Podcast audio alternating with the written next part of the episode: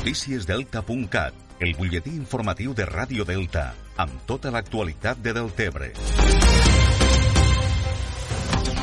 El Consorci de Polítiques Ambientals de les Terres de l'Ebre, el COPATE, ha començat avui dilluns el primer de tres tractaments als arrossars contra les larves de mosquits i ha previst tractar 2.100 hectàrees d'arrossars perimetrals dels nuclis urbans i urbanitzats del Delta de l'Ebre. El tractament començarà a l'Emidelta Esquerra per les zones de l'Ampolla Camarles, l'Aldea, del Tebre i Riumar i després es passarà a l'Emidelta dret a les zones d'Amposta, Eucaliptus, Poblenou del Delta, Sant Jaume d'Enveja, Els Montells i Sant Carles de la Ràpita. La previsió és que els treballs s'allarguen durant tot tota la setmana. Els tractaments als arrossars es complementaran amb els que també es fan en espais naturals per controlar la població de mosquit al delta.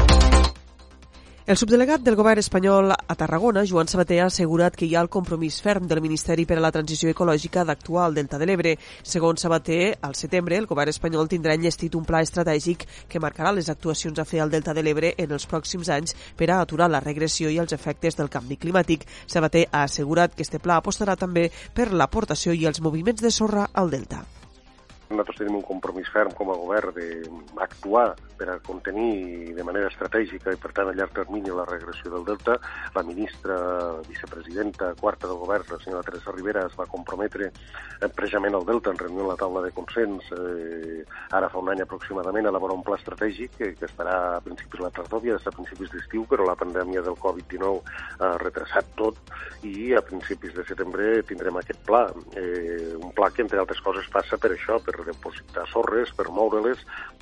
Sabater ha assegurat que més enllà de les obres d'emergència de reparació del temporal Glòria que s'estan realitzant actualment, el Ministeri seguirà invertint i actuant al Delta i veu factible que hi puga haver alguna actuació ja de cara a la tardor, sempre i quan estiguen enllestits els estudis tècnics sobre com s'han de fer els moviments d'arenes al Delta. Bueno, intentarem, no sé si serà una draga, com s'ha de fer, vull recordar que s'ha de, de fer un estudi previ de veure on es pot treure sorra, on s'ha de posar, vull dir, no, no és qüestió de començar a moure sorra d'un costat a l'altre, no? Però, bueno, en qualsevol cas, eh, que s'ha d'actuar és evident. Nosaltres ja estem actuant i els danys que han hagut eh, tant de Glòria com de llevantades posteriors en aquest moment eh, Costes, la demarcació provincial de Costes de l'Estat està actuant al Delta.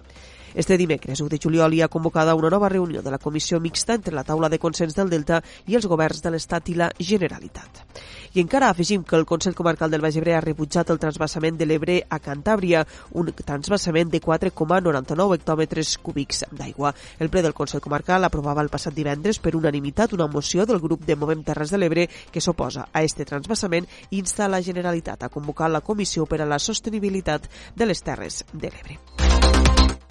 Més qüestions. L'Ajuntament de Deltebre va celebrar dissabte l'acte en commemoració del Dia Internacional de l'Orgull LGTBI i ho va fer canviant el color del pas de vianants de davant de l'Ajuntament, el qual ara representa la bandera irisada, símbol de la lluita LGTBI. La lectura del manifest va anar a càrrec de Joan Salvador Bonet, pagès, dissenyador i professor, i el canvi de color del pas de vianants va anar a càrrec de les persones assistents a l'acte, com ara l'alcalde de Deltebre, Lluís Soler, el mateix lector del manifest, i regidors del govern municipal i de la corporació, a més de la participació també del Consell de Dones de Deltebre. El regidor de Joventut i Participació Ciutadana, Andreu Curto, va assegurar que el canvi de color del pas de vianants amb els colors de la bandera LGTBI remarca el compromís del consistori en la diversitat sexual i afectiva. Avui hem commemorat eh, el Dia Internacional de l'Orgull LGTBI aquí a l'Ajuntament de Deltebre, pintant este pas de vianants que deixarà testimoni per a la història del compromís del nostre poble en els drets i en el respecte per totes les persones, per totes les opcions